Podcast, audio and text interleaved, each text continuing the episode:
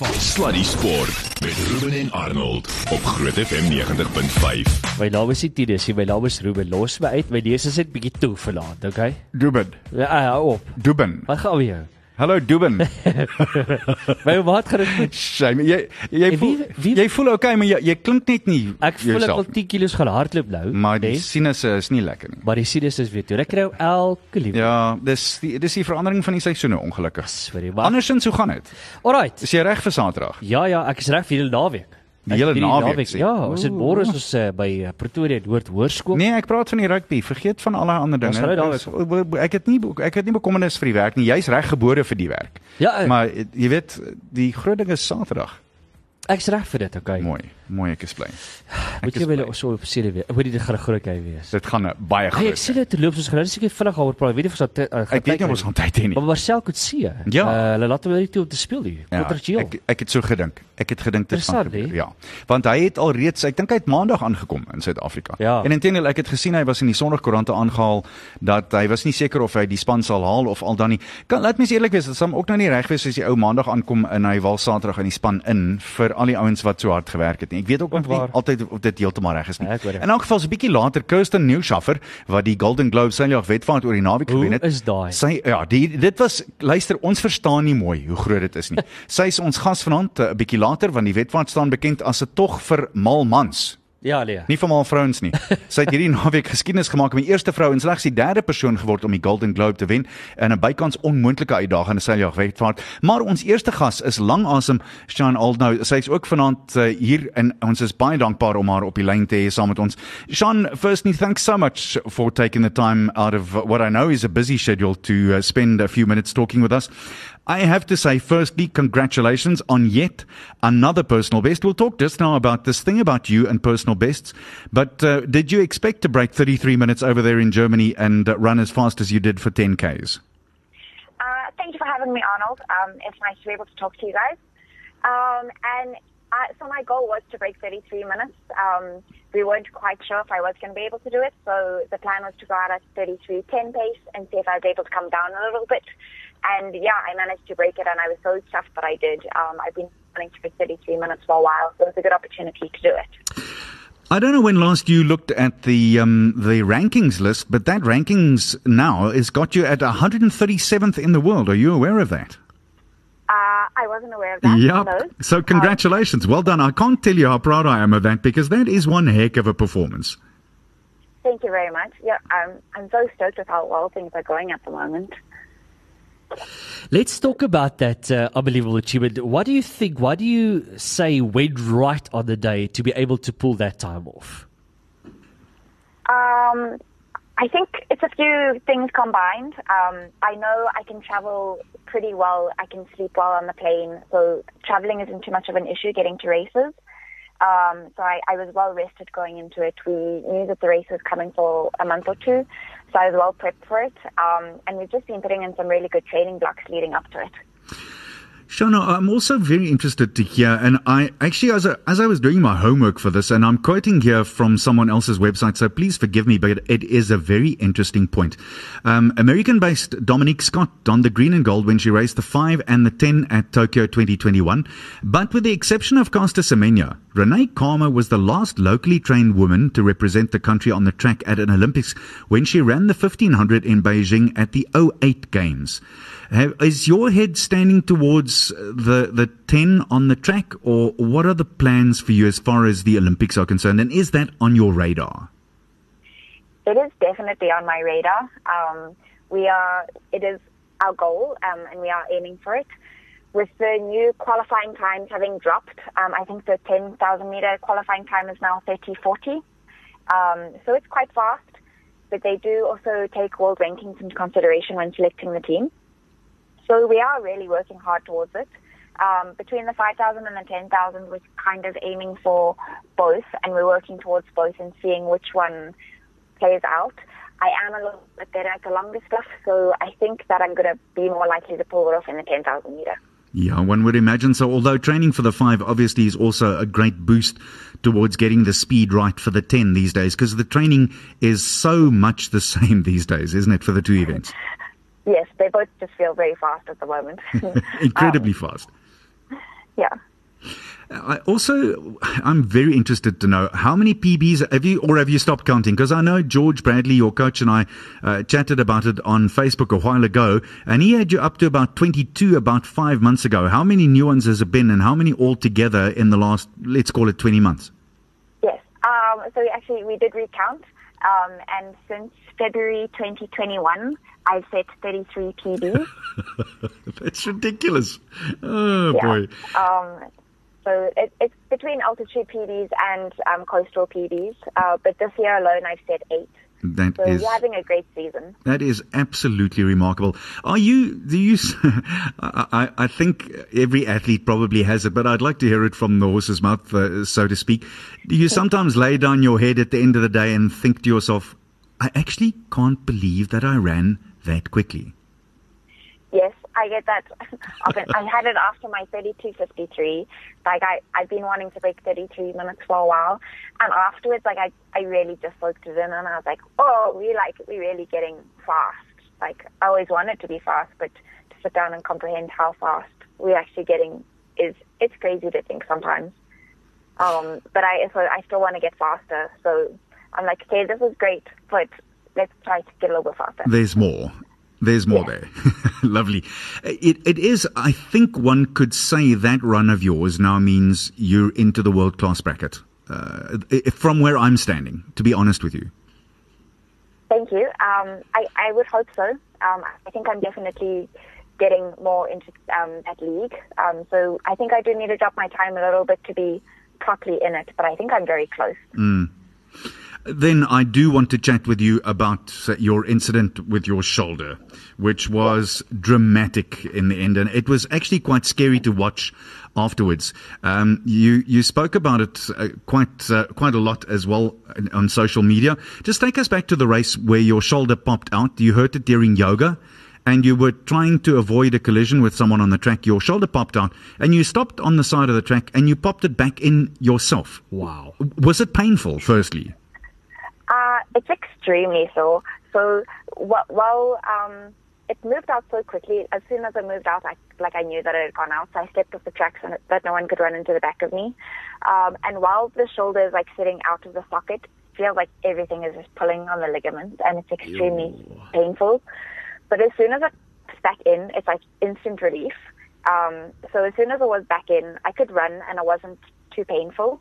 Um, but that evening, like the like fatigue of the muscles and stuff sets in, and so the next day or so was extremely painful. And you lost 22 seconds in the process, but still ran a, a personal best in that particular race, didn't you? Uh, no, I didn't run Not. a personal best in the end. Yeah, they got my official time wrong. Ah, Um, okay. I've got it here as 33.20. Yes, so um, they got me down for 33.20. I think my actual time was 34.20. Ah, okay. All right. Yeah. And then you had to have an op, the, the rehab. How was that? Yes. Um, it went a lot smoother than we expected. I was only expecting to be racing again in January this year. Um, and I did everything that the surgeon told me to do. I went for physio, I went for bio and rehab, and um, I was racing again by November because of how smoothly it went, which I was extremely grateful for. Um, it was tough. I think the first 10 days were the roughest. My shoulder was so swollen and so huge. Um, I couldn't move it. I couldn't do anything. Um, but about two weeks after the surgery, I was allowed to start cycling on the watt bike, and we Yeah. made the most of that. And I think that was some really good base training and cross training that we got in. You use the word cross training. That leads perfectly into my next question, which I had ready. In any case, cross country. You swear by that. You talk about that as your strength, and, and you were blessed enough to represent South Africa at the World uh, Cross Country Championships in Australia in February. Talk to us about that. Was the most amazing experience. Um, with going in for my surgery, I had kind of decided that um, I might not be able to get to World Cross Country Champs. And while that had been a big goal of mine, long term, having the surgery was more important. So when I was able to get onto the start line for trials in December, I was just so happy to be on that start line. And I had such a great race. I felt good. Um, I won it by about a minute, and it, I just had a good race. So I was feeling really confident for Worlds. Um, and again, traveling to Australia, uh, I think we traveled for almost a day, um, and just managed to travel nicely. Felt good going into the race. I was extremely peaceful. Um, I can't quite describe it. Like I, I was really nervous, but I was just peaceful in the fact that like we'd done the work and I was just ready to like go out there and do my best. It like didn't really matter what that meant as long as I felt I had a good race.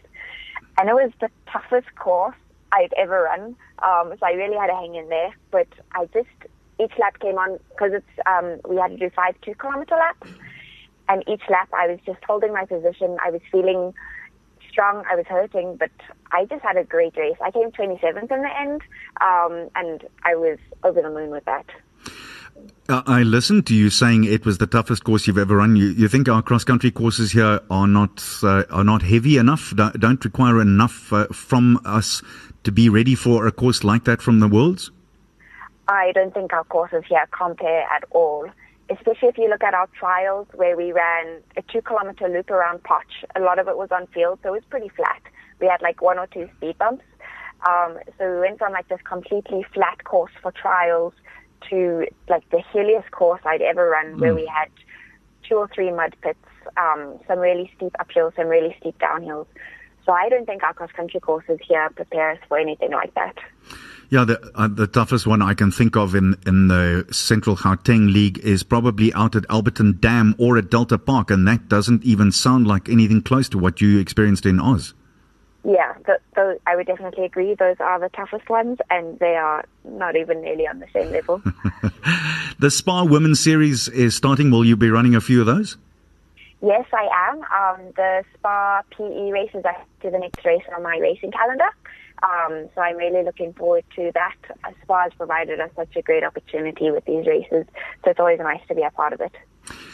I also want to ask you, who did you, who do you think you you have uh, the mental outlook of? And I'm asking from an athlete that you look up to. Is there someone that you go, I think I'm similar to them in my mental outlook and the way that I run? Is there someone like that? Um, I'm not too sure. I think um, I, I, could maybe compare to um, one of Australia's runners, um, Genevieve Lacaze. Um, she's had a lot of difficulties and she's had to like persist through a lot of injuries and hard times to get to where she is today. Um, and I think it comes down to like continually showing up, like getting through the hard parts and just showing up as much as you can. I also have to ask you, George Bradley, yes. your coach, is certainly one yes. of the most extraordinary people that I know. How do you experience him as coach? He is amazing. Um, I don't think I would nearly be the athlete I am right now if it wasn't for his input. Um, he has been amazing with coaching. Um, we I give him a challenge and I'm like, I want to do all these races and he makes it work without me getting injured and at the same time yeah. still improving my times. Um, on like a mental health side as well, he's been great. Like he really looks out for me in that part. So I think both as a coach and as like a personal friend, he's been absolutely phenomenal. Okay, so does he coach you by email? You get your programs via email, do you? Um, actually, via WhatsApp. Okay. Um, so we do like daily feedback, and right. Neil gives me my session for tomorrow. Ah, okay. So it's a daily thing. I want to hear from you. Which is a WhatsApp that you got, and you thought, Coach, you must be off your head. There is no way that I'm going to be able to do the session. And by the end, you did. Um, I think we actually had a. Um, there was a the Cape Minor series a few weeks back, mm-hmm. and that was at track series in Cape Town. And on the Sunday, he called me and he was like, um, we're racing a 3,000 meter on Friday. So I was like, yes. And he was like, are you okay with doing a 1500 meter race on Wednesday? Head out for it. and I initially told him no. I was like, there's no way I'm doing that. We've not done that before. I'm, I can't do that. what was the had, session, Cian? Um, a 1500 meter race. Okay, 1500 meter race. Okay, sorry, yeah. Yeah. So, so not a big session, but something completely out of my comfort zone that I'd never done before. Um, and we had like a whole 10 minute conversation with back and forth. And eventually I just decided like, I trust George fully and I know he knows what he's doing and he wouldn't do something that isn't good for me. And we both have the goal to improve my running. So that's, that's the goal. So I was like, okay, fine, George, I trust you. Let's do it. Um, and it paid off really well. So I, I, I think it just teaches you to keep trusting your coach and trusting the process. Uh, a 1500 is right down there at the bottom for your range. How did that feel? Yes.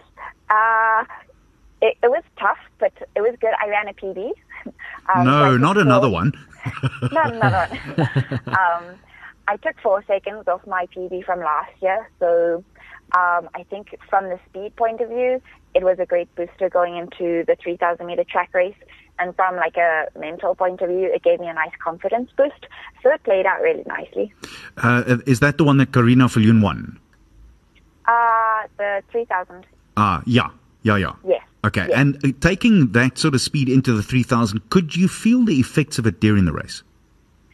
Y- Yes, um, because we went out way too fast and I was feeling quite controlled at that speed, um, which hurt for the last few laps because we went out so fast. Um, so I definitely felt a lot more zippy than I had before going into races. All right, I know, I know you're going to hate me for this question, but um, when the the 10k and maybe the half marathon end time is done, is uh, could you see yourself doing that horrible marathon distance of 42.2 kilometers somewhere down the line? Um, definitely. George Aha. and I have spoken about it, and it is definitely something I'm looking forward to moving up to in a few years' time. Um, but the key word is in, in a few years' time. Yeah, absolutely. So I do want to get faster on the 10k and um, do a few fast halves before I do move up. But it's definitely something on the cards. I just thinking about it roughly with my coach's hat on for just a second. Your 3250 translates to about a 226. Does that make your mouth water? Sure. Yes, it does. No, that's Yeah. there's that's the money making area in the big city marathons. I promise you. You run 226, Yeah. you're going to make some big checks. There is no doubt about it. I also have to ask you about this, and it's rather sad for me. But your running club, unfortunately, is closing down at the end of June. Uh, it's a tough economic time right now for most big companies, and and this is one of those that's feeling the pinch as well. Your thoughts about that? Um, I think it's been really sad. Um, Murray and Roberts provided a lot for me. They were a great platform for me moving out of varsity and kind of finding my ground in the professional running side. So I think it's really sad. Um, I think it's also sad for the athletes who haven't been able to find new clubs yet. Um, and I know Murray and Roberts, the club, was hoping to find a new sponsor, and I don't think that has quite played out yet.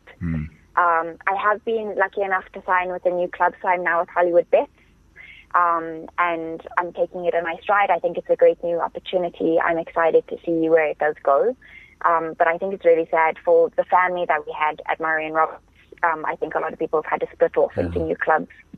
And And of course, we, we had a great support system through that. No doubt about it. I also mentioned earlier Renee Kalmer. Of course, Renee, uh, very, very instrumental in the club. And I guess you've learnt a lot from her as well, haven't you? Yes, I have. She was my roommate at quite a few of the SPAR races um, last year and the year before. So she gave me a lot of tips going into some races. Like she really gave some good insight. Um, and I think it's great to have mentors like that in the sport. Lastly, uh, give us your crystal ball prediction of where that 10K PB is going to finish off. Um, this year, Uh, no, right at the end. When you decide to step up to the marathon distance, where do you think it'll end up? What's the goal? oh, I would really like to get into the 30s. Aha. Um, like just Sure. yeah. Um, my thoughts is if the Americans can do it, um, and people like Eilish McColgan can do it, it's not like impossible. So we just got to keep being smart about training, be consistent, um, and just keep trying our best to get there. And it's either going to happen or it's not, but we just got to do our best in getting there. Well, I think your um, your nickname Miss PB is going to stick for a very very long time. Uh, Cian, thanks so much for chatting to us. It really has been a pleasure. Look after yourself and strong running for the rest of the year. Thank you so much, Arnold. Thanks for having me. Take care. Dis dan lang asem Sean Aldnou, 'n Suid-Afrikaanse kampioen en ook iemand wat nou 137ste is in die wêreld oor 10 km en as jy dink dit is nie iets spesiaals nie, ek dink nie daar's meer as twee ander Suid-Afrikaners voor haar nie. Net hierna praat ons met een van ons bestes ooit, Kirsten Newshaffer wat die Golden Globe seiljag wedvaart gewen het. Sluddy Sport met trots geborg deur webycars.co.za. Nou ja, Kirsten Neerschaffer het die Golden Globe seiljagwedvaart wat gedoop is as 'n um, tog vir mal mans hierdie week ja. gewen en geskiedenis gemaak Sondag toe sy die eerste vrou en slegs die derde persoon geword het om die Golden Globe te wen, 'n onmoontlike uitdagende seilwedvaart en sy's daar ver oor die see in Frankryk en ons is gelukkig genoeg om haar regstreeks op die lyn te hê. Kirsten, thank you so much for your time. Arnold gets the side and my co-host is Ruben Dalmarge. Thank you for your time. Um, I hear from a little birdie firstly that uh, you were stuck within sort of sight of the finish line with no wind whatsoever to power the sails. Talk to us through those last few seconds before you finally got it across the line. Uh, yes, very much so. I just got out of the fog and the, the wind died down, and about seven miles uh, before crossing the line, I had no more wind. So um, I was bobbing out there, and uh, the first boats started coming out to um, wave me in, and it was a long cheer in because it took uh, quite a few hours to get over that uh, finish line. But uh, let's say it was a very gentle arrival. this is not your, your average sort of a, a sail uh, expedition or just an easy one. Tell us a little bit about this exactly. What does it entail? Um, well, it entails uh, sailing on uh, a boat that is no smaller than 32 feet, but no bigger than 36. Um, old school boats with long keels, um, made of fiberglass and no modern electronics. So no GPS, um, sure. no uh, weather information, and uh, we do have satcoms, but that's only with the race organizers uh, for their purposes and you know um, social media and that kind of stuff. But we, you can't phone anyone that you feel like phoning. So I couldn't, uh, for example, just uh, phone my mother and say hi. I feel like a chat.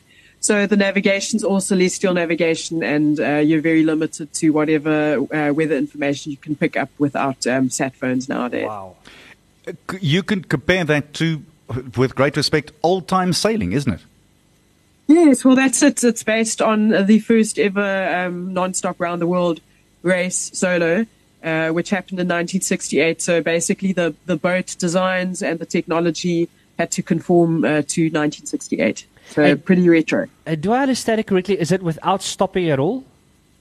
Yes, it's absolutely without stopping. Uh, so we did have photo gates where we had to approach land, and some zodiacs came out and said hello to us and, and took a bit of footage.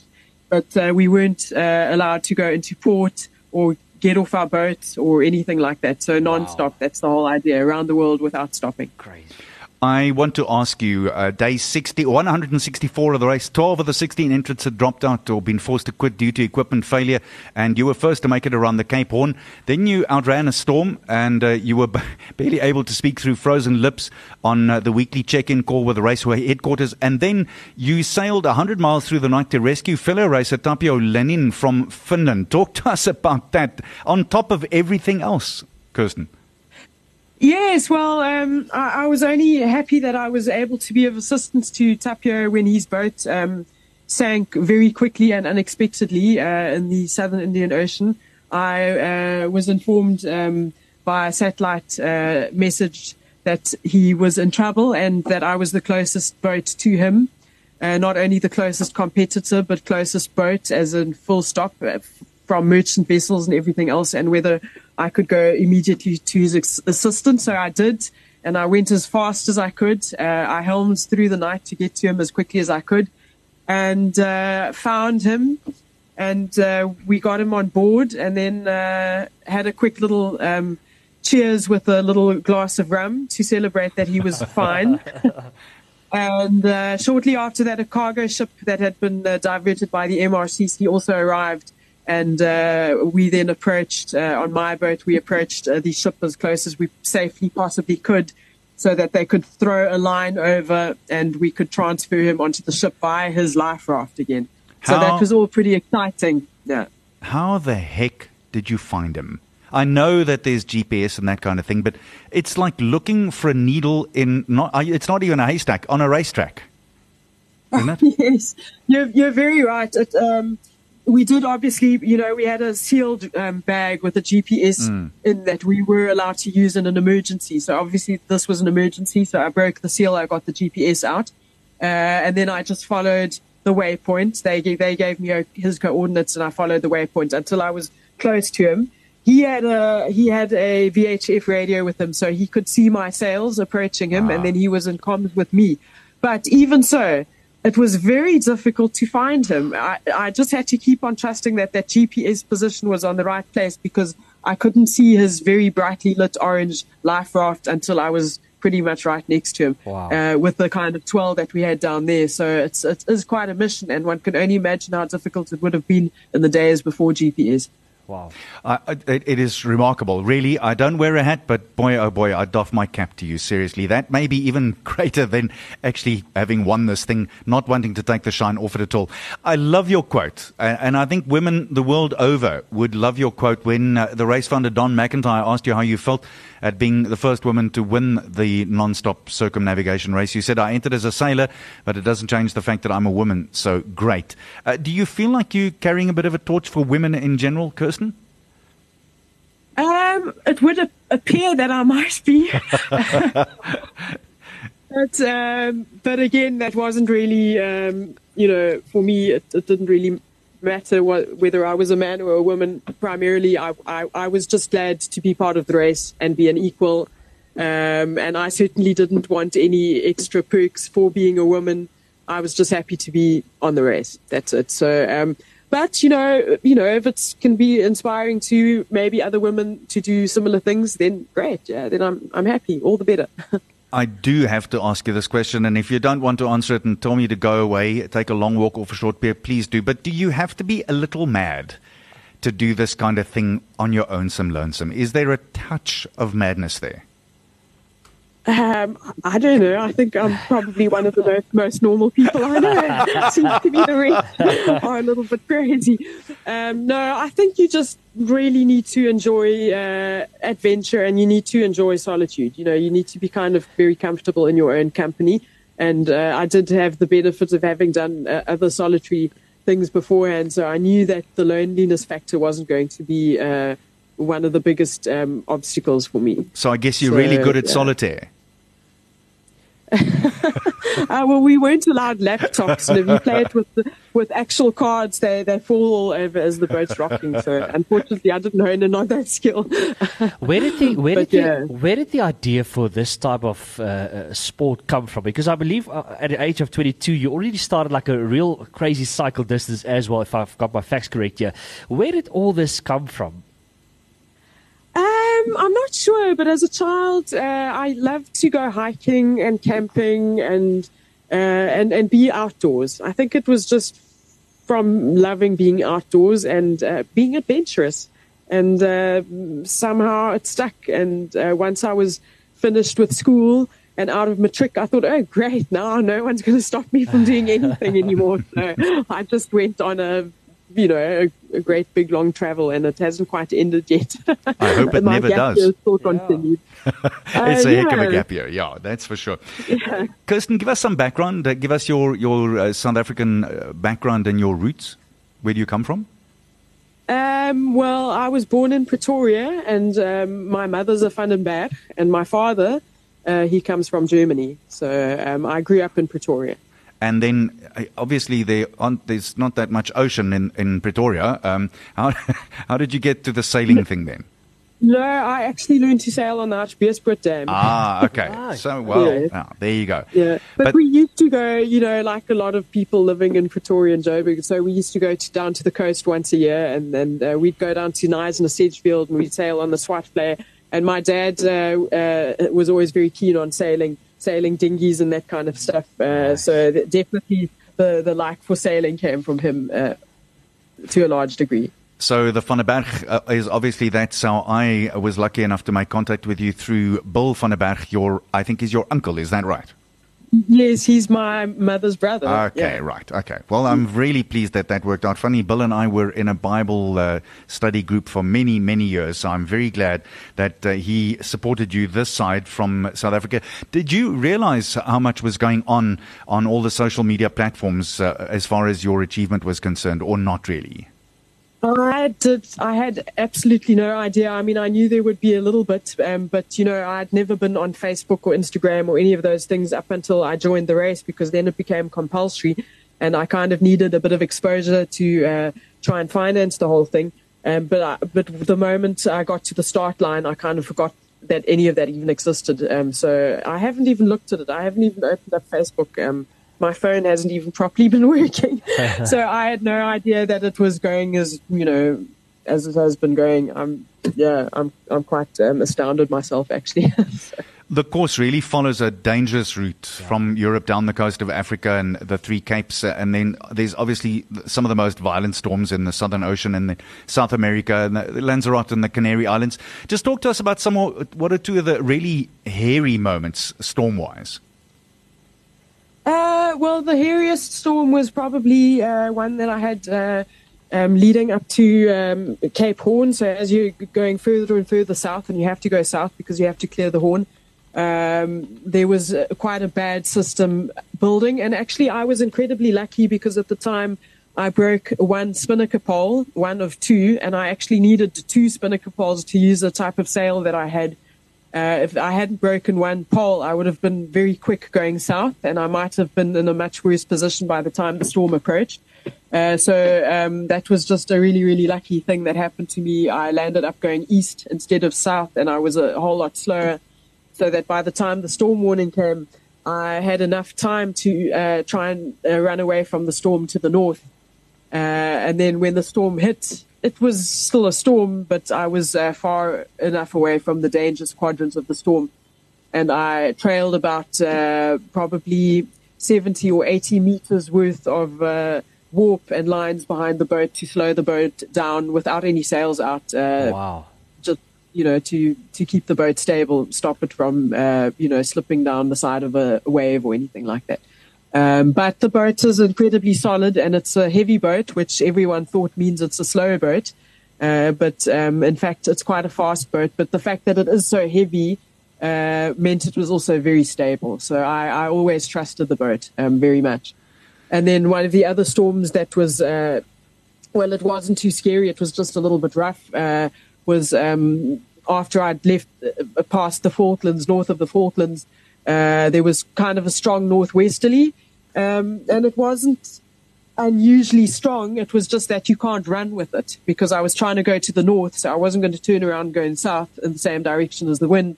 So I kept it on quite a rough angle. And uh, there's a tactic, a storm tactic called heaving to, where you actually keep your sails up, but you keep them working against each other so that you're not really making any headway. You're just kind of stopping and you're wow. keeping the boat stable to the waves. Uh, so yeah, I had uh, to use different kind of storm tactics depending on what the conditions were. Uh, but again, the boat handled incredibly well. So that was, and I always believed it would. You sound so unbelievably confident in your own abilities yeah. and being able to read the weather. That's obviously one of the great, great things that one is imbued with if you're going to do what you've done is to be able to read the weather well. How do you learn that? Um, well, it's actually quite interesting because when you're doing your skipper's ticket, it's uh, you do kind of learn the theory on you know what kind of storms can you expect in different parts of the world, and what is the usual behavior of a storm, and what are the storm tactics you should take, and what path should you take to get away from the dangerous uh, quadrants of the storm. So you learn all that kind of stuff. Uh, but then uh, you start looking at screens, as we do in this day and age that we live in, and you stop thinking too much about the big systems. And that was actually the beauty of this race is that you didn't have uh, that kind of weather information. So you were always looking at your barometer and you were always looking at the clouds and the skies. And you were, you know, there are these little rules of thumb that tell you if the wind's blowing in your back and you're in the southern hemisphere, then the storm's going to be on this or that side or whatever it is, depending on where you are. And you start applying these rules and you start thinking about it. And sometimes I draw a little sketch for myself uh, just to make sure that I know, you know, exactly what's going on. And then uh, you, you, you use all these things that you actually do know and that you have learned, but that you haven't really had to think about so much. And that was fun. I enjoyed it. That is fascinating. I also, uh, what springs to mind as well for me is you've obviously sailed with all the modern day gadgets and now this. Uh, were you longing for those gadgets or was this far purer. And I, I also want to say, did it feel purer in your heart and your soul to sail this way? Uh, it definitely did, it, and and I think I've been longing for it all my sailing life, uh, is to do it the old school way and to really because you have to be so much more observant uh, than when you're looking at your gadgets the whole time. So it definitely did feel a lot purer. And um, right in the beginning, um, at the start line, that was the first time I was ever going to completely switch off a, a, GPS and, you know, not have a GPS uh, to navigate with. I had done long passages with the sextant, but I'd always had the GPS running parallel. So when I left the docks here in uh, Les Sables d'Olonne for the start, that was the first time the GPS was not going to be used anymore. And, and right in the beginning, I was a little bit nervous as, will I really, is it really going to work? And I knew it would because I'd already tried it. But uh, eventually it became second nature. And, um, and, you know, like, for example, we were allowed to call up ships on, if we, if we had radio contact with them, we could call them up and ask them what their position is. And if we were right next to them, well, then we could deduce our own position. But after a while, I didn't even feel like doing that. It's like, no, I don't need to know what your position is. I've got my sextant and I'm confident in it. So it was a lovely, lovely experience indeed. Because this is an unbelievable achievement. The question is just what did, what next for you? Like it feels like you've uh, doing uh, pulling this off. It feels like the, the very top part of, of, of what you're doing currently. What would be next for you? Oh, I actually don't know. Um, I guess I decided I'll just come back and uh, I'll close this chapter, and then there'll be a whole lot of blank pages for me to fill with a new adventure. Uh, but exactly what that adventure is going to be, I haven't uh, decided. I'll probably have a nice hike in South Africa yeah. and spend a whole lot of time in the bush. And um, and as I'm doing that, I'll probably uh, start getting some ideas for uh, for what, what comes next. Yeah, I think it's going to be hard to top this one, but I'm yeah. sure that you'll find something. I have no doubt about it. That voice just tells me that there's lots of uh, of lots more adventure waiting there. Just give us the the final stats. How many days did it take you? Oh, I don't even know right now, to be honest. um, I'd have to I'd have to look on the web page. Okay. and I don't have my logbook, but it it, it was uh, I don't know two hundred some odd days. It, the biggest biggest part of a year, almost, isn't it? It was eight months, basically, eight months, because okay. we started in the December and we arrived here end of April. So it was just under eight months. That is remarkable. And then f- finally, uh, as you got across that line, I know we opened up by saying it was uh, you waiting for the wind to kind of get you across that line. Uh, f- just if you can, tap into your emotions when you realize that you'd done this and won. Well, it was a lovely feeling, firstly, because I just didn't know um, at that point when I was becalmed just off the finish line. I didn't know that I was actually um, about to win the race. Uh, I thought um, there's a very good chance that uh, Abhilash Tomy had beat me to it. So when the first boats came out to greet me and they said, you know, you're the winner. And I said, no, actually, I don't.